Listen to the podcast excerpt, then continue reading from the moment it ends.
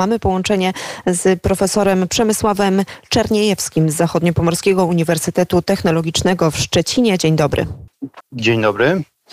Panie profesorze, dzisiaj, dzisiejszy poranny program Poranek wnet prowadziliśmy ze Szczecina. Tam rozmawialiśmy między innymi z wojewodą zachodniopomorskim, z panem mm, Zbigniewem Boguckim. Rozmawialiśmy między innymi o sytuacji e, na mm, Odrze. Wiemy, że o godzinie 9.30 rozpoczął się e, specjalne, rozpoczęło się specjalne e, spotkanie, czy to sztabu kryzysowego, czy zespołu, który miał zadecydować o tym, mm, czy uda się już ściągnąć te zakazy, które obecnie są na różnych odcinkach Odry Odry. Czy może pan profesor e, wie, jaki jest rezultat tego spotkania? E, proszę Państwa, sytuacja na rzece Odry, jak również w całym estuarium Odry pod względem e, mikrobiologicznym czy też hydro, hydro, hydrobiologicznym uspokoiła się w stosunku do tego, co, z czym mieliśmy do czynienia tydzień czy dwa tygodnie temu. W związku z tym pan wojewoda zachodniopomorski podjął decyzję, żeby dopuścić do prowadzenia, e, do e, prowadzenia działalności gospodarczej na akwenach, które do tej pory nie były, do, w których nie można było prowadzić tej działalności, to znaczy na Odrze i na jeziorze Dąbie.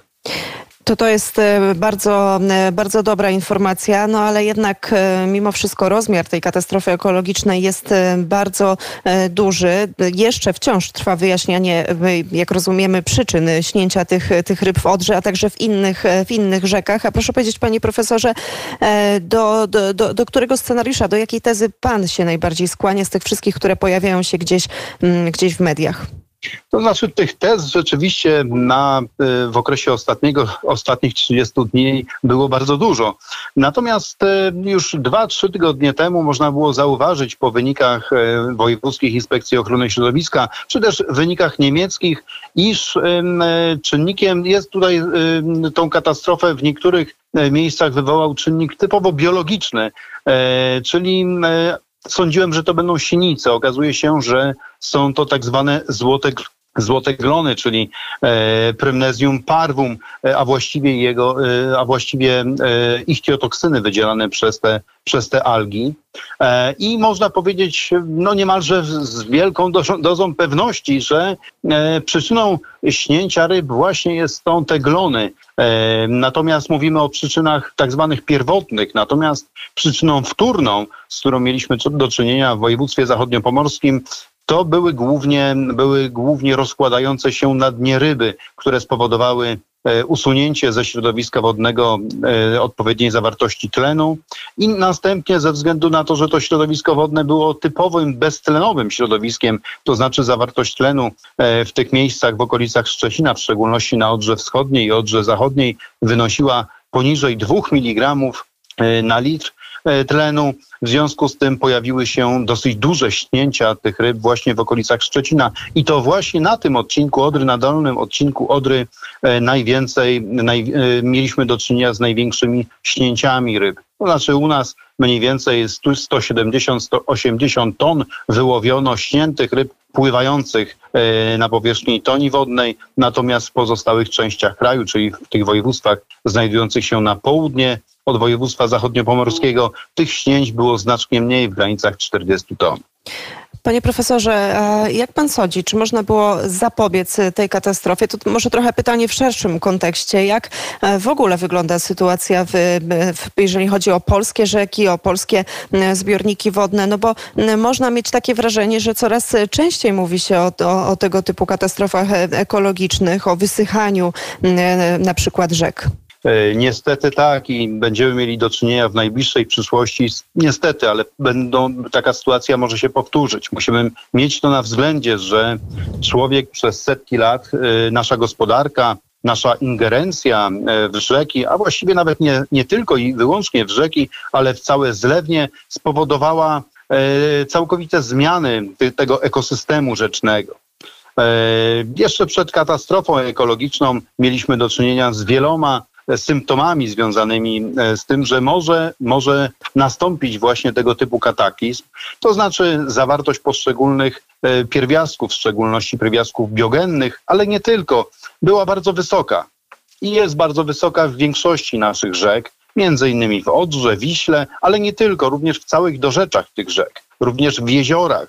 W szczególności, jeżeli mamy do czynienia e, ze zmianami klimatu, ze zmniejszaniem się objętości wody w jeziorach czy w rzekach, to takie zjawiska, e, zjawiska e, przenikania substancji biogennych do rzek są bardzo, wpływają bardzo negatywnie na cały ekosystem i prowadzą do tego typu katastrof ekologicznych.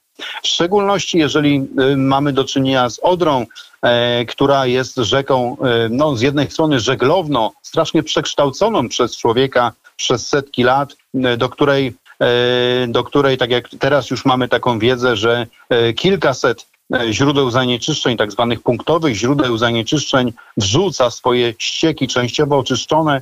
E, no niestety, niestety taka sytuacja będzie, jeżeli nie wyeliminujemy tych punktowych źródeł zanieczyszczeń, taka sytuacja będzie powtarzała się, taka katastrofa. Mam nadzieję, że nie w aż takim dużym zakresie, e, ale będziemy, będziemy mogli mieć w przyszłości również widzieć efekty tej naszej działalności człowieka w zlewniach poszczególnych rzek. I to są niepokojące prognozy. No dobrze, panie profesorze, ale to jeszcze na zakończenie, e, skoro już e, o Odrze rozmawiamy, na niej się skupmy. Rozumiem, że chociaż teraz udało usunąć się już te śnięte ryby, to jednak e, rozmiar tej tragedii, to co już się stało w rzece, będzie pewnie rezonował teraz na wiele lat. Jak pan uważa, czy w ogóle możemy oszacować, ile czasu ta cała odnowa całego ekosystemu, całej rzeki może potrwać? E, trudno jednoznacznie odpowiedzieć na to pytanie, dlatego że w tym momencie nie znamy, e, nie znamy środowiska wodnego, jakim jest teraz Odra.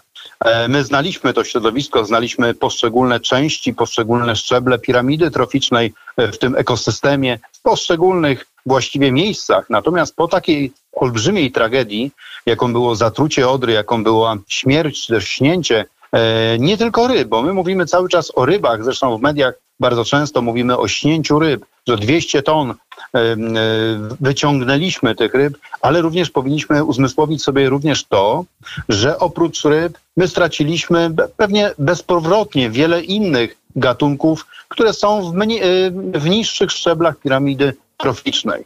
Jak pływamy teraz po Odrze, szacując straty, jakie poniosła Odra, to oczywiście widzimy zmniejszenie populacji ryb, ale również widzimy widzimy śmierć wielu innych gatunków ryb, szczegól, e, gatunków zwierząt, w szczególności skorupiaków czy mięczaków, e, które, w który, których praktycznie nie ma, a one stanowią, proszę pamiętać, pokarm dla wielu gatunków innych zwierząt, na przykład ryb. W związku z tym oczywiście należy restytuować, należy renaturyzować to środowisko wodne, najlepiej tak naprawdę doprowadzić to środowisko wodne do, do kształtu pierwotnego, tak żeby nie było widocznej e, tam przekształceń związanych z działalnością człowieka. No jest to praktycznie niemożliwe, ale dzięki temu takie tragedie nie zdarzałyby się. Natomiast ze względu na to, że my zmieniliśmy to środowisko wodne, to te, e, taka katastrofa ekologiczna będzie zdarzała się dość często.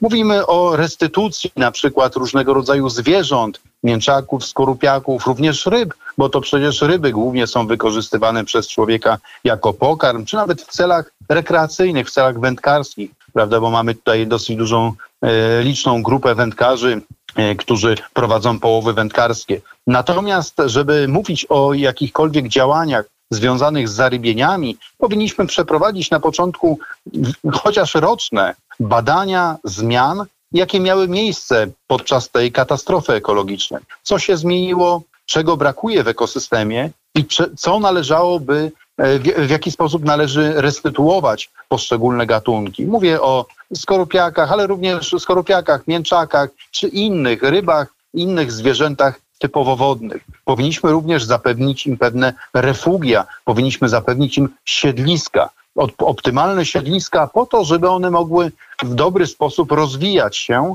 i żeby zwiększać swoją ilość. Natomiast później dopiero jak poznamy to środowisko wodne, można będzie opracować cały program restytucji ryb, który najprawdopodobniej potrwa kilkanaście lat, ponieważ proszę zwrócić uwagę, że część ryb, które śniętych, które odławialiśmy, właśnie było w wieku kilkunastu, a nawet 20-25 lat, jak widzieliśmy takie sumy o długości, sumy europejskie o długości ponad dwóch metrów.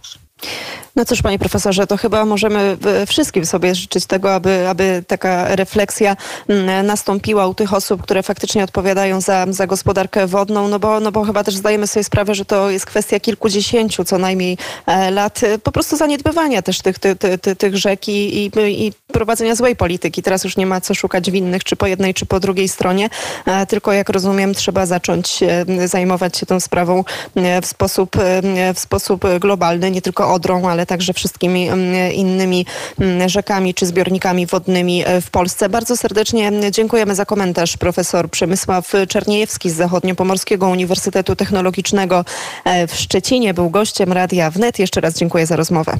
Dziękuję bardzo. Do widzenia.